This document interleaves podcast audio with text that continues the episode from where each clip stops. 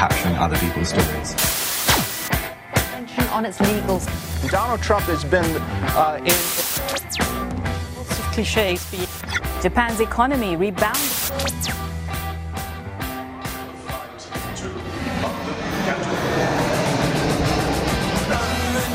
John Carlin, bon dia. Bon dia, Roger. Com està, John? Muy bien, muy bien.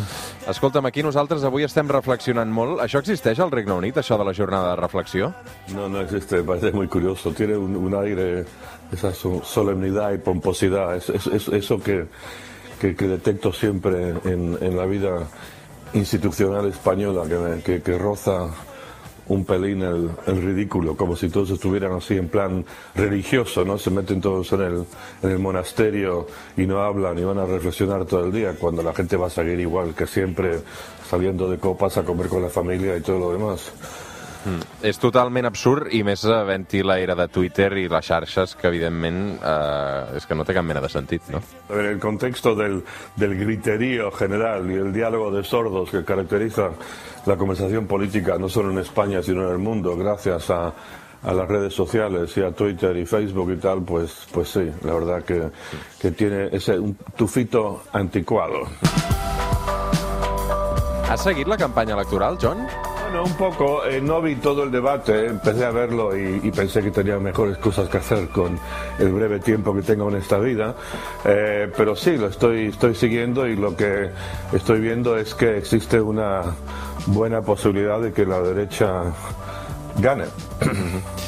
Guanyarà molts diputats, això sens dubte. Tot això en una setmana, John, que ens hem fixat molt amb el Regne Unit. També hem sentit aquest home I condemned what I considered to be controversial comments or grotesque comments by individuals és Amer Anwar, l'advocat de l'exconsellera Clara Ponsatí. John, aquest Amer Anwar um, realment també és tan conegut, aquest advocat tan popular, uh, rector de la Universitat de Glasgow, aquí al Regne Unit? Sí, bueno, mira, em, lo, lo- lo que, lo que esta decisión así de la, de la justicia em, británica em, ha tomado esta semana, la, la- la conclusión es, es clara, es, es lo de siempre, o no hay nada nuevo bajo el sol, que, que la judicatura española es el punto oscuro eh, de la, de la democracia española y que ahí deberían seriamente ponerse a, a pensar los políticos sobre esto y ver si se pueden hacer reformas al, al sistema.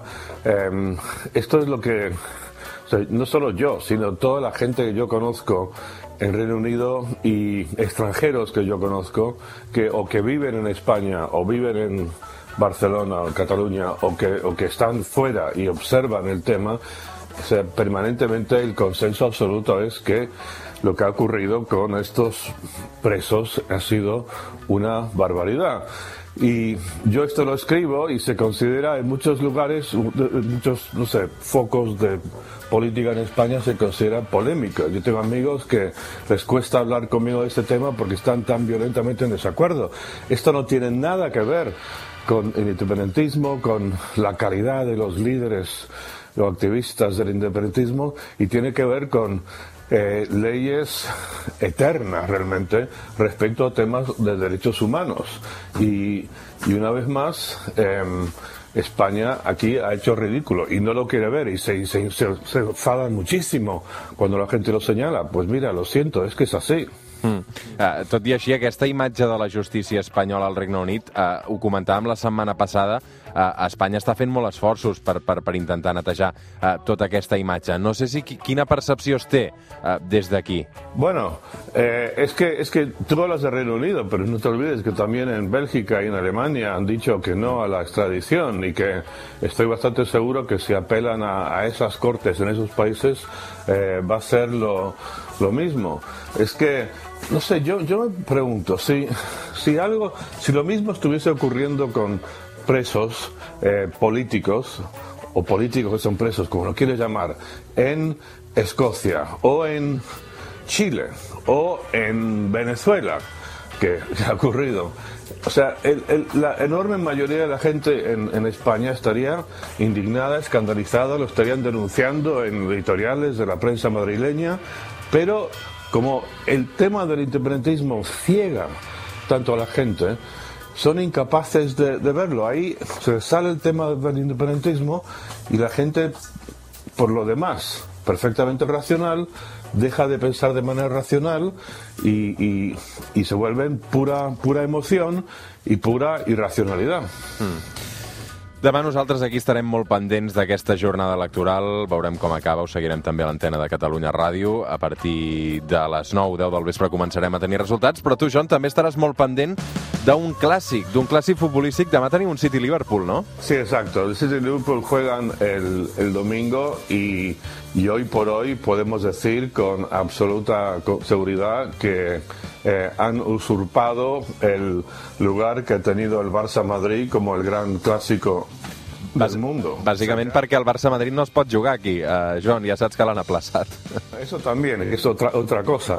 Pero, pero aparte de eso, eh, si jugasen el, el mismo día, domingo, o sea, mañana, eh, yo creo que más gente en el mundo eh, estaría viendo el, City Liverpool, que son claramente los dos mejores del equipo en este, del mundo en este, en este momento y, muy por encima del Barça y Madrid, que están ahora en época de, capa caída. O sea, yo que he disfrutado tanto, tanto los últimos 10 años viendo al Barça, ahora veo un partido del Barça y, pienso seriamente en cambiar el canal o, o salir al bar a hacer otra cosa o leer un libro, lo que sea. Què passarà demà amb aquest City-Liverpool, Joan? Es muy difícil saber, depende mucho de si el portero del City va, va a estar bien o no, porque el segundo, Claudio Bravo, ex del Barça, es un, digamos, poco, poco fiable. Si, si no está bien el, el grandísimo portero, habrá un problema. Pero mira, lo que te aseguro es que, mira, apostar por resultados sería absurdo, pero eh, va a ser el partidazo y el, y el partido de, de- de- de- de mayor nivel que puedes ver en el mundo en este momento.